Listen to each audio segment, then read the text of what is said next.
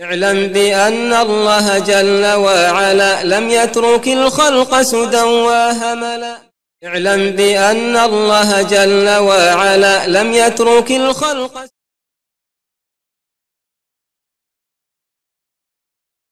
بسم الله الحمد لله الصلاة والسلام على رسول الله. استعين بالله لا حول ولا قوة إلا بالله. اللهم لا سهل إلا ما جعلته سهلا وأنت تجعل الحزن إذا شئت سهلا اللهم أرنا الحق حقا وارزقنا اتباعه وأرنا الباطل باطلا وارزقنا اجتنابه ولا تجعل الحق ملتبسا علينا فنضل. اللهم آت نفوسنا تقواها وزكها أنت خير من زكاها أنت وليها ومولاها برحمتك يا أرحم الراحمين. ربنا لا تزغ قلوبنا بعد إذ هديتنا وهب لنا من لدنك رحمة إنك أنت الوهاب. Allahumma yassir wa la tu'assir. Allahumma barik wa tamim bil khair. Amma ba'd.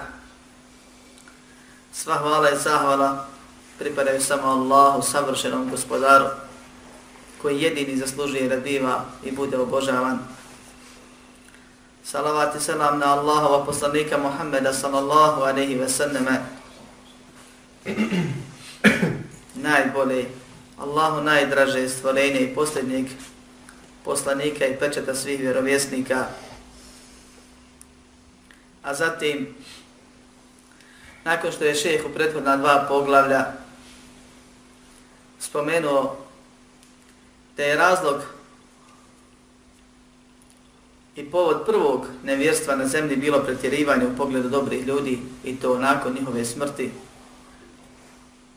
a u drugom spomenuo prijetnje koje Allah subhanahu wa ta'ala upućuje i kazne koje je pripremio za onoga koja Allaha obožava kod kabora dobrog čovjeka, a kako li tek ako bi ibadeti obožavao tog dobrog čovjeka. I kroz ta dva naslova spomenuo mnoštvo dokaza kojima se dokazuje opasnost pretjerivanja općenito bilo kojeg oblika pretjerivanja u vjeri, preleska granice šerijatske, a to je pretjerivanje u bilo kojem pitanju s jedne strane, pretjerivanje u pita, po pitanju dobrih ljudi s druge strane, posebno pažnju obratio na pretjerivanje po pitanju kaburova, vjerovjesnika, poslanika, dobrih ljudi. Spomenuo slučaj Muhammeda sallallahu aleyhi ve sallame, koji je pet dana prije smrti upozoravao na ovu opasnost, koji je u smrtnim mukama upozoravao na ovu opasnost, koji je nazvao one koji grade mesčide ili uzimaju, čine seždu Allahu subhanahu wa ta'ala, obožavaju Allaha namazom na kaburovima dobrih ljudi, ili na kaborova vjerovjesnika spomenuši ih ili nazvavši ih najgorim stvorenjima, dolazi sa trećim poglavljem. S jedne strane, mogao to sve šeho u jednom poglavlju spomenuti. Sve te dokaze na istu temu i završiti priču. Metoda podučavanja govori kad je neka stvar bitna, da je na više lekcija staviš, bolje će da utiče s jedne strane na onoga ko sluša i bolje ćeš imati prostora i više da pojasniš. To je jedan razlog. Drugi razlog je šeh je ovu knjigu pisao na putu. I kada se sjećao prigovora koje, prigovari, koje upućuju oni koji neispravno vjeruju i loše objeđenje kod sebe imaju, pa bi postepeno im odgovarao na jednu po jednu šubhu, kako mi to volimo reći. Kao da sve ovo nije bilo dovoljno nekima, pa su rekli ono što i dan danas ponavljaju, nije Muhammed a.s. S tobom ovce čuvao, ne možeš ti, pored kavod poslanika sallallahu alaihi sallam kojeg mi varitom poštujemo, sa tamo nekim kipom, nije to lat, nije to uzat, nije to kamen, nije to drvo, to je kabor Muhammeda sallallahu alaihi wa sallam u kojem leži tijelo najboljeg Allahovog stvorenja, Što mi ne sumnjamo u to uopšte. I potvrđujemo sve to. I da nije s nama oce čuvao, sallallahu alaihi ve sallam, i da nije njegov kabor u neko drugo mjesto, ali također vjerujemo Muhammedu sallallahu alaihi ve sallam više nego ovim šubhatorima. I znamo da kad se ibadet usmiri nekome sem Allaha, ta stvar postaje za onoga koga je učinio božanstvo. Neko mjesto koje biva ciljano radi ibadeta, to mjesto ili onome ko u tom mjestu boravi, živ ili mrtav, to mjesto se smatra kipom, to temom, spomenikom, ali u onom smislu badete i tako dalje. Kažu kako? I ponovno spominje ove stvari koje sam već rekao. U porodi ti, kaže Muhammed a.s. sa tamo nekim kipom. Kažemo, ne govorimo mi ništa od sebe. Nego govorimo onako kako nas je podučio Allah subhanahu wa ta'ala u svojoj knjizi ili poslane sallallahu alaihi wa sallam. I ovo što sam malo prije rekao, sad ćemo da vam dokažem. Da ako učiniš ibadet nekome, on za tebe, a sam je čisto od toga, nema, ne utječe njega ništa, on za tebe postaje poput kipa. Turbe dobrog čovjeka. Ako je bio dobar, znači da je bio na tevhidu, znači da je bio na sunnetu, znači da je bio na ibadetu, znači da je bio, klonio se grija. I zbog toga je postao dobar. Preselio ni kriv ni dužan nekomu nakačio i nagradio na kabur ono što Simon nije zadovoljen.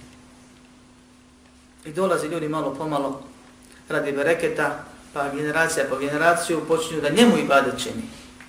I da se on, od njega traži da se on kod Allaha zauzima. Njemu to neće nauditi ništa.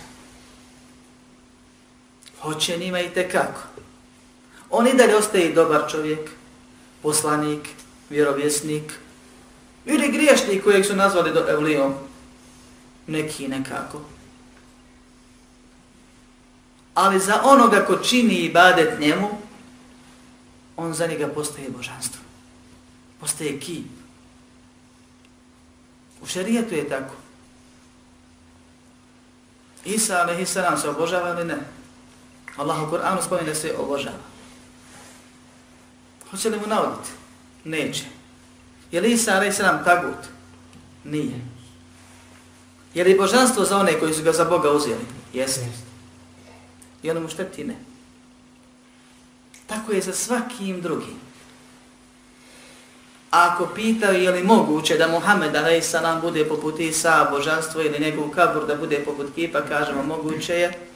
Inače, Allahu najdrže stvorenje. Allah nas počastio da pozivamo u tevhid jednoću i savršenstvo Allaha, gospodara svjetova s jedne strane. I da spominjemo svako malo Muhameda sallallahu aleyhi ve selleme s druge strane. Neki kažu treba začiniti u krasi drs ajetima i hadisima. Mi kažemo ili treba s vremena na vrijeme kažu Allaha veličati u dersovima i češće i više Muhammeda sallallahu alaihi ve sallame spominjati, hvaliti u dersovima, mi kažemo, mi hvalimo svoje dersove spominjajući Allaha i krasimo, ukrašavamo svoje dersove spominjući Allaha i Muhammeda sallallahu alaihi ve sallame, neobratno. To je bitno, to je čast. Ali da ne spominješ samo radi spominjanja, nego da mu vjeruješ i da mu se pokoravaš I time svoje svjedočenje da je Muhammed sallallahu aleyhi ve sallam poslanik opravdaš. A prije toga da samo Allahu robuješ i njega obožavaš i time svoje svjedočenje da nema Boga sam Allah potvrdiš i opravdaš. Taj poslanik, najbolje stvorenje, koji ne govori po hiru svome, već je to objava koja mu se objavljuje, on nas je upozorio i spomenuo da je moguće da se njegov kabur u ki pretvori, ne u suštinskom smislu stvarnom, nego za onoga koga tako doživljava. I dovi Allahu da se to ne dogodi.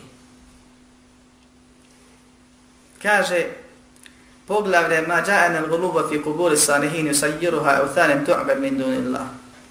poglavlje o dokazima koji nam govore da pretjerivanje po pitanju kaburova dobrih ljudi pretvara te kabore u kipove koji se obožavaju pored Allaha. Jer čini ti kab, te kaborove za onoga ko, ko to čini. Kipovima koji se obožavaju pored Allaha. I spominje hadis. Bineži Maliku Muvatire je poslanik sallallahu aleyhi ve sallam rekao Allahumma la taj'al qabri vathanen ju'abad. Ištedde gadabu Allahi ala qavmin ittehadu kubura enbijaihim mesađida. Allahu poslanik dovi Allahu za nešto čega se boji. I što oni koji su vjeru nakaradno shvatili smatraju nemoguće.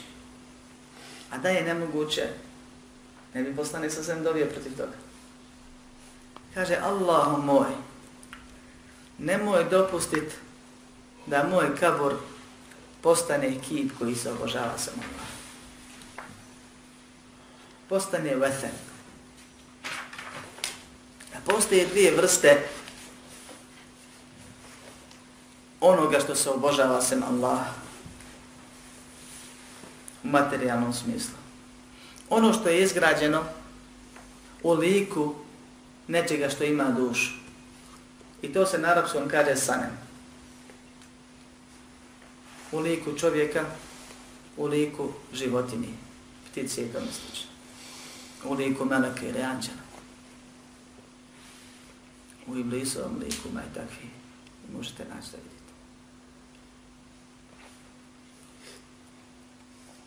I ima nešto što se obožava pored Allaha, ali ne u liku, nego može to biti drvo, kamen, pećina, dolina i tako dalje, kabur.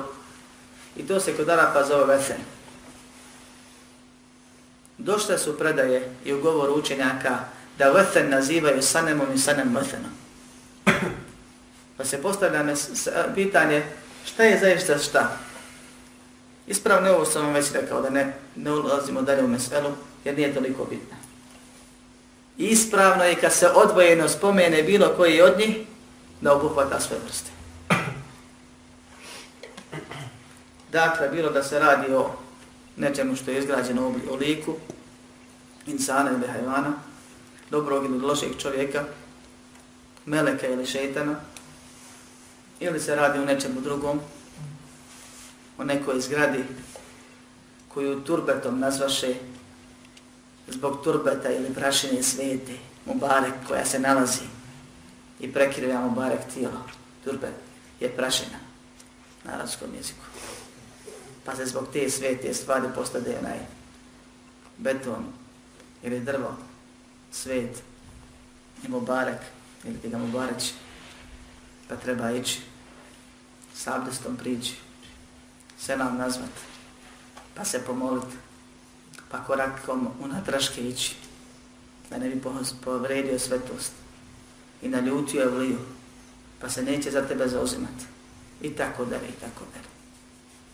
I još mnogo toga ima. Kad priđeš, moraš kapu skinuti.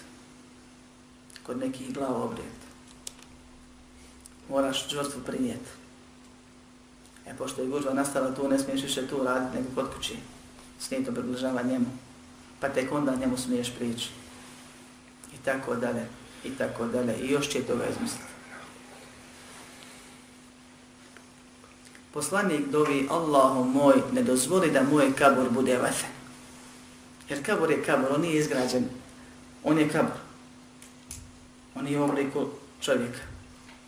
Pa Popotrebljava ovaj termin, precizno.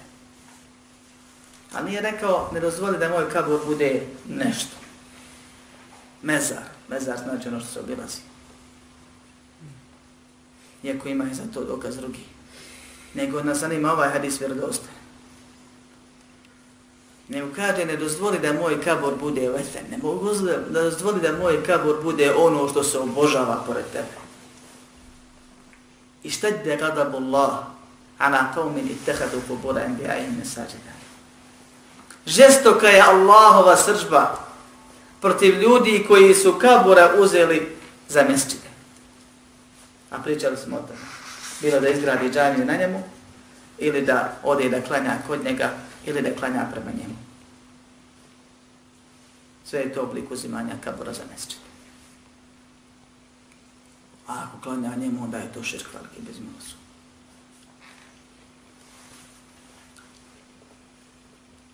I ovo je direktan i jasan dokaz koji je dovoljan da pobije šubhu, ako je cilj samo šubha koji sam spomenuo. Kako ste vi od kabura Muhammeda sa svem poštovanog, cijenjenog i tako dalje kabura vrijednog načinili i po, poistovjetili ga sa nečim tamo što se obožava pored Allaha. Mi kažemo, nismo to mi uradili. To rade oni koji brane takvo djelo. ako ste vi u, u tom slučaju da to radite vi. I na to je, i o tome nas je obavijestio i pred toga molio Muhammed sallallahu alaihi wa sallam Allaha, jer je strahovao da će to desiti. Na osnovu čega? Zato što su svi, skoro svi kabrovi, svi poslanika obožavani. Skoro svi. Nazvani vremenom raznim svecima i tako dalje u raznim religijama. Ili više religija, jedna religija više nije. Tačno se zna ili pretpostavlja, odnosno ima obilježeno na listi, ili ne, to je druga stvar. Gdje se nalazi kaburovog ili kaburonog poslanika i vjerovjesnika i koji ga održavaju i na njemu zarađuju i koji ga ljudi iz kojeg pravca ili religije najviše posjećuju i šta kod njega čini u svijetu, arapskom i nearapskom.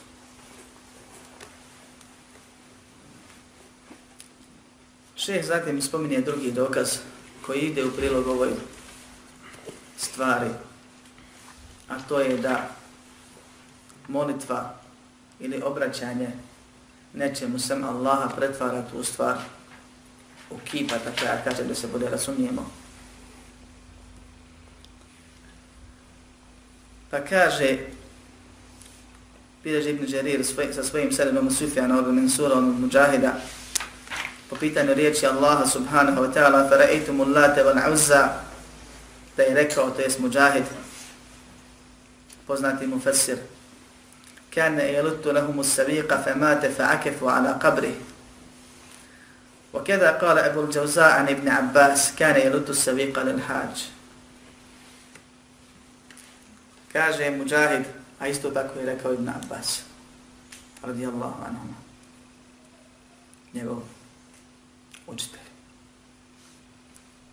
Po pitanju riječi Allaha subhanahu wa ta'ala vidjeli te vi lata i uzata. Koji je bio lat? O tome smo već govorili ovdje. Kaže, kan je leto rahum savik. On je njima spremao savik, kuhao sevik, pekao sevik. To je jelo. Razilaze se tačno koje vrste jela se radi. Uglavnom radi se o brašnu, o hljebu, miješanju sa premazan, kao nešto poput lepina premazanim maslom, nekad s mesom i tako dalje. A Ibn Abbas kaže to je činio hađijama. Kako je bio čovjek dobročinitelj.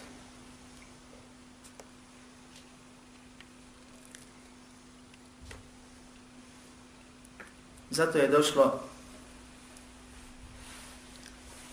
u daljem pojašnjenju falema mate akefu ala qabri. Pa kada je preselio, činili su i tikaf, dolazili su i sjedili se na njegovom kabru. U početku radi bereketa, ili da ga se sjećaju, a kasnije da mu se približe, pa da im se on kod Allaha za njih zauzima, kao što je poznato. Da bi na kraju postao najveće arapsko božanstvo.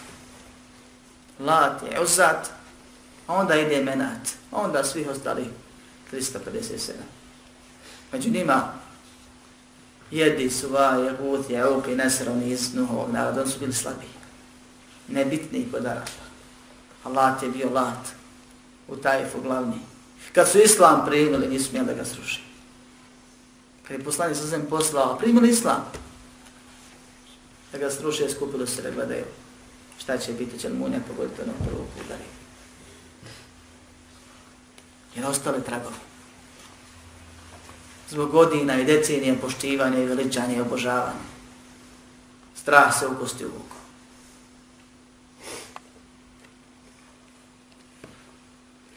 Zašto spominje šeh ovu priču? Isti slučaj se desio. Dobar čovjek preselio i neko po pitanju njega i njegovog kabora pretjerao, to je isprešao granicu, i onda je vremenom postao najveće božanstvo. Ako je bio vjernik na vjeri Ibrahimovoj i bio dobar, on će u džennet. Njemu ništa ne škodi to što ga one obožavaju. Kao što ne škodi Isao, kao što ne škodi Muhammedu sallallahu alaihi wa Ako je bio nešto drugo, dobit će tačno ono što je zaslužio. Allah nepravda ne čini. Ali će oni također svakako dobiti ono što zaslužio. Muhammed sallallahu se borio protiv njih. Borbom ih pokorio. Da bi im tevhid ponovno u srce usadio jer su širk Allahu činili. Po pitanju istog ovog lade preko njega. A počelo je od dolazaka i sjela na njegovom kaboru. Kod njegovog kabora, ne kaboru bukvalno. Kad kažem pretjerali su i prešli su granicu, prilika je da se spomene nešto od upute poslanika Muhammeda sallallahu alaihi wa sallam u pitanju kaburova. Poslanik sallallahu alaihi wa sallam je Allahovom naredbom, jer ne govori po hiru svome, bio zabranio da se posjećuju kaburi uopšte. U početku Islama, dok ljudi nisu razumijeli ta vid. Je su upravo širk počeli činu preko kaburova. Pa je postoje dozvolio da se posjećuju riječima kuntu na hejtu kuman zijarati il kubura lafezu roha fe inneha tu dekiru bil ahire. Bio sam vam zabranio da posjećujete kabura, sad ih posjećujte jer vas to posjeća na ahiret, to je na smrt, pa će se, da se i vi bolje pripremite. Zabranio je poslanik sallallahu anehi veseneme da se sjedi na kaburu, da se uznamirava na bilo koji način jer skrnavi kabur, da se naslanja na kabur, da se hoda preko kabura, zabranio je poslanik sallallahu alaihi ve selleme da se klanja na kaboru, kod kabora ili prema kaboru. S druge strane, zabranio je da se gradi bilo šta na njemu. Zabranio je da se cimentira kabor ili da se od gipsa pravi. Zabranio je da se uzdiže više od pedlja. Zabranjeno je da se piše na kaboru. Da se postavljaju bilo kakvi nišani veći od jednog prosječnog kamena zabranio je poslanik sallallahu alejhi ve kao što kao što je na tome konsenzus islamskih učenjaka da se osvjetljavaju kabur. Da se prekrivaju nekakvim prekrivačima. Zabranio je poslanik sallallahu alejhi ve sellem ženama da ih posjećuju. I to su neke osnovne stvari koje je bitno spomenuti. Imamo zabrane s jedne strane oskrnavljivanja, u obliku sjedenja ili neči, neki drugi način koji je gori od toga stajanja, naslanjanja na njih. Imamo s druge strane zabranu pretjerivanja, tako što će se na njima nešto graditi, crtat, pisat, zastirat poput kjabe, osvjetljavat, Pa će privući one koji su slabi, a svi su ljudi nekako prema tim tajanstvenim stvarima imaju nekakve osjećaje, tako kažem. Samo nekog Allah da, pa vjerom nauči da to ne može nikako uticati, pa ti postane svejedno, a većina ljudi ostane i u sebi krije i bori se protiv nekih stvari. Pa sam prolazak pored mezarja uzrukuje kod čovjeka nešto, nekakav osjećaj gledanje u to također. Ako je prolazak noći još više. I onda prođeš i vidiš nekakva građevina u mraku, zelenim kandilima osvjetljena. I to je prilika za šetana da u srce usadi vatru veličanja koju on vremenom raspiruje dok ne dođe do širka u to, kod čovjek čovjeka ili kod njegovih potomaka. A žene su tome sklonije. I bit će to, oko toga govora kasnije ako Bog Zato Ibn Abbas radijallahu anhuma prenosi da je poslanik sallallahu alaihi ve selleme la'ana Rasulullah za'irat al-qubur wal muttakhidina alaihi al-masajida wa suruđ. Prokleo je Allahu poslanik žene koje posjećuju kaburove i one koji uzimaju na njima ili one koji uzimaju za mesčide i koji, na njima, koji ih osvjetljuju. Ovdje imamo tri propisa. Počet ćemo od posljednjeg ka prvom. Hadis je slab. Njegovo značenje je ispravno, zato što na svaku od ove tri stvari ukazuju ispravni dokaz. Ne postoji ili dolazak nije došao poseban, kao što kaže dio mu hadisa, nije došao poseban hadis direktno koji zabranjuje da se osvjetljava kabur. Na tome je koncenzus islamskih učenjaka na zabrani. Složila se ulema da nije dozvoljeno osvjetljavati kabur. A to je s aspekta dokazivanja najjači dokaz. I dokaz za zabranu osvjetljivanja je iđma. Hadis ili dio u kome se zabranjuje da se kabori uzimaju za mesčide na način koji je pojašnjen, je došlo u prethodnim hadisme iz Buhari i muslima. I to nam je sasvim dovoljno. Ovaj hadis i dio u kome poslanik sallallahu alejhi ve selleme proklinje one koji koji posjećuju kaborove, oko njega ima veliko razilaženje islamskih učenjaka. Ima drugi rivajet koji je vjerodostojan. Ali ako njegovog pravilnog čitanja, da se tako izrazim, također postoje razilaženje. La'an Allahu zubbarat il-kubur ili zubbarat il-kubur. Ovdje kaže za erat. To su oni koji je posjećuju. Pa bilo koja žena koja ode na groblje, po ovom rivajetu, bila bi prokleta. U drugom rivajetu došlo za barat. One koje puno posjećuju. A veliki dio poznatih učenjaka hadisa kaže da je ispravno da se čita zubarat, kao što i donose dokaze za to. A zubarat ponovno znači isto kao i zairat. Iz dva razloga vezana za gramatiku arabskog jezika, koji nam nisu bili. Znači, ponovno, ako se čita sa U umjesto sa E, i oni smatruju da dio učenjaka pogriješio, da se ne čita sa E nego sa U, znači ponovno one koji posjećuju. I dokaz biva koji pojačava slabost u ovom rivajetu. Što znači da od tri mogućnosti, u dvije mogućnosti je zabranjeno bilo kakva posjeta kaburova, kaburova žene. Jedna mogućnost ima da se odnosi na one koji često posjećuju ili mnogo posjećuju.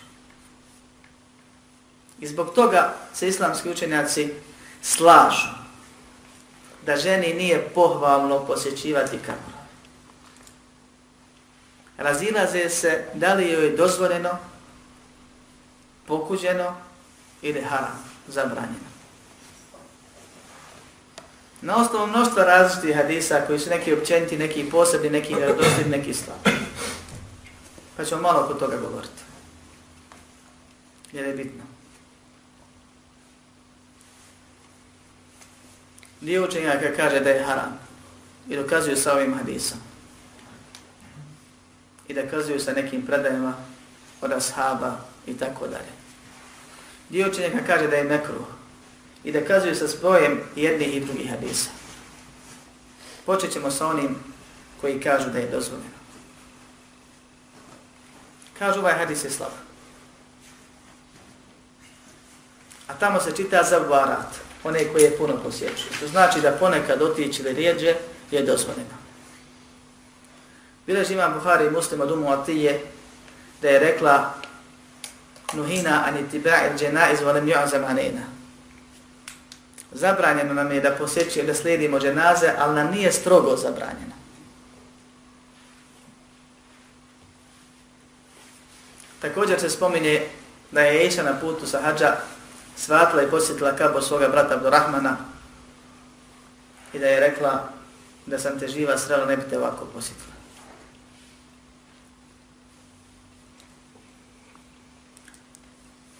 Došlo je u hadisu koji sam spomenuo, bio sam vam zabranio da posjećujete kaburove, sad, ga zabra, sad, sad ih posjećujete. A kad se kaže općenito, odnosi se i na muškarce i na žene. Spominje se također da je Fatima posjeća Ivala kabru svoga Amidže Hamzi. I još neki dokaz. Kako pored svih ovih dokaza neko može reći da je zabranjeno? Treći stav islamskih učenjaka kaže da je zabranjeno. I dokazuju ovim hadisom. I dijelom učenjaka koji ga pojačava, smatra vjerodostojnim. Dokazuju hadisom koji je vjerodostojan i kažu da se čita zubarat, one koje posjećuju. Dokazuju sa hadisom Ummu Atije iz Buhare i muslima. Zabranjeno nam je da posjećujemo ženaze, ali nam nije strogo zabranjeno. Riječ ju'azam alina može značit nije došla prijetnja. I kažu, to je dokaz zabranjen i dokaz dozvoljen. Jer ona kaže da nam je zabranjeno. A nije sahabi kada trebalo se spominje proklestvo ili džehennem ili nešto, dovoljno nije bilo da im se kaže da je zabranjeno. Hadis opšte karaktera u kojemu došlo posjećujte ih, po koncensusu islamskih učenjaka počije na pohvalnost. Sad posjeću djelom, posjećava se smrti. A složila su leba da ženama nije pohvalno. Tako da ovaj hadis ne može biti dokaz uopšte sa ovo pitanje. Jer on govori o pohvalnosti. Izma nasu proti žma. Nije, ne su prostali se, nego jedan drugo pojašnjava. Žene ne spadaju ovaj hadis. Pa im propada i taj dokaz. Hadis Fatime je slab. hadisa Iše je bio usput. I sama je rekla da sam te živo strala, ne bi te ovdje posjetila. Nego je prolazila putem pored kabula, pa je zastala.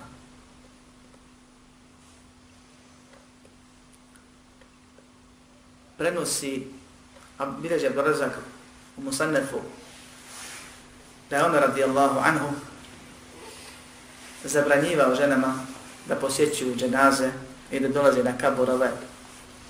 I kad ih je vidio jedne prilike, rekao im je idite odavde grešne, a ne nagrađene, ili vraćajte se grešne, ste niste nagrađeni, nećete trebati se vak, nego grije, jer vi ste one koje ezijete mrtve, a fitnu prave živ, čine živima. Ibn Omar također kaže, nema mjesta ženama na dženazama. Spoj jednih i drugih s obzirom da dokaza imamo jakih na obje stvari, na obje strane je stav onih koji su rekli da je mekro. On nema neki poseban dokaz da kažu koji spušta sa stepena harama na mekru, nego kažu jedan drugog hadisi oblažavaju. Shodno tome preče je i sigurni je stav koji je odabrao šehefu Islam ibn Taymiye, ibn Al-Qaim, ibn Abdul Wahab, Muhammed ibn Rahim, ibn Baz, ibn Uthaymin i mnogi drugi islamski učenjaci, a to je da je ženama zabranjeno da posjećuju kabure. Zbog predaja i razumijevanja ashaba s jedne strane poput govore Ibn Omara, nema mjesta ženama na dženazama, I zbog toga što sve one stvari koje muškarci, pogotovo od djetinstva, pa kako rastu, imaju pri sebi od tog nekakvog osjećaja prema mezarju i kabuli i tako dalje, ko žena je to jače izraženo. Vidjet ćete da mnoge žene ne smiju da hodaju noću. Ili ako hoda noću, ne smije da prođe pored mezara ni pošto, dok je neko ne pravi.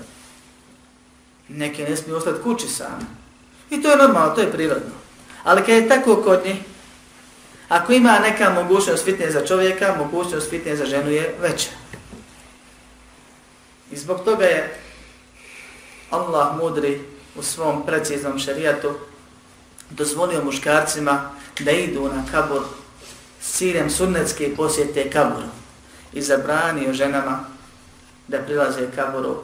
Iako i one imaju razlog kao i muškarci, da se okoriste i da mrtvom koriste, međutim, opasnost i fitna je veća i mogućnost fitne je veća, a šerijet kada dođe u koliziju nefsere ili štete i maslahe ili korist, daje se prednost otklanjanju štete odnosno na donošenje koristi. Šta je to sunetska posjeta kaboru? To je kao sunetska posjeta je ona posjeta sa ispravnim nijetom i ispravnim dijelom. Ispravan nijet je ono što je poslanik sallallahu alejhi ve sellem spomenuo u hadisu to vas podsjeća na ahiret ili na smrt. Pa da staneš pored kabura svog bližnjeg ili daljeg poznatog ili nepoznatog, kogoda je u pitanju, ti ćeš jednog dana biti dole. I sjetiš se prolaznosti života i ništavnosti dunjaluka i postakneš se na taj način da budeš bolji musliman. Drugi nijet je da koristiš mrtvom tako što ćeš proučiti dovu za njega. Koju dovu? Onako kako je propisano. Dovu pri ulazku u mezari. U nekoliko rivajeta je došlo kod Buhari i muslima i drugih dova ili dove raz, malo razlikuju se koje počinju sa selamom stanovnicima kabora i dovo Allahu, i dovom Allahu subhanahu wa ta'ala za oprost, za milost, za spas njima i nama. U kojima se kaže entum sabiqun, wa nahnu inša Allah bikum lahiqun. Vi ste nas pretekli, mi ćemo vas ako Bog da stići ili pridružit ćemo vas. Gdje i sebe posjećaš? I treći nije da koristiš sebe. I onda čovjek sa malim razumijevanjem skoči i kaže kako za nije šarija zabranio čovjek sebi koristi na kaboru, da ide na kabor da koristi sebi, koristit ćeš sebi tako što ćeš slijediti sunet bazraca, a ne nekako posebno drugačije. Otićeš na kaburu, sa, na kaburu ili na mezare sa ispravnim nijetom ili nijetovima, šerijetskim. I zaradit ćeš se vab za namjeru. Proučit ćeš dovu, zaradit ćeš se vab za sljeđenje sunneta. Nećeš činiti novatarije, Zaradit ćeš dva sevapa, što se zadržao na sunetu što nisi radio bidata. I to su ispravni, nijetovi, ispravna djela. Sve iznad toga je neispravno. Da dođe čovjek da klanja zato što je sevapnije tu, da dovi zato što je sevapnije tu, da nešto radi ili bar uče i kuran zato što je sevapnije tu, to je neispravno. A da dođe i da se moli na bilo koji način, riječima ili dijelima, onome ko stanuje u tom kaboru privremeno, to je širk. Ovim pogledom se završava ciklus poglavlja o kaborovima i opasnosti koju te privremene kuće sa sobom nosi. Kabor je ništa drugo do kuće. Kao što se ne bojiš komšine kuće, ne bi se smije bojati njegovog kabora kao što ne poštuješ, ne veličaš njegovu kuću, ne trebaš da veličaš njegov kamer. To je njegova kuća, možda je lijepo uređena, a možda je vatrom napunjena. S tobom nema ništa. Osim što imaš rijeske obaveze prema mezaru s jedne strane i zabrane s druge strane, pa se obaveza na to poštuješ i da kod granica zastaneš. svako drugo objećenje da se povlači na ispravna djela kasnije. Molim Allah osvišeno da nas uputi napravi put i učvrsti na njemu, da nas poduči onome što ne znamo, da nam da fikha i razumijevanje u vjeri, da nam poveća vjerovanje i ubjeđenje i povjerovanje ispravno djelovanje, da nas pomogne na svakom dobro i sačuva svakog zlajoniga onih koji ga čine, da oprosti nama svim muslimanima i muslimankama da pomogne islam muslimana na svakom mjestu. Amin. Walhamdulillahi rabbil alamin.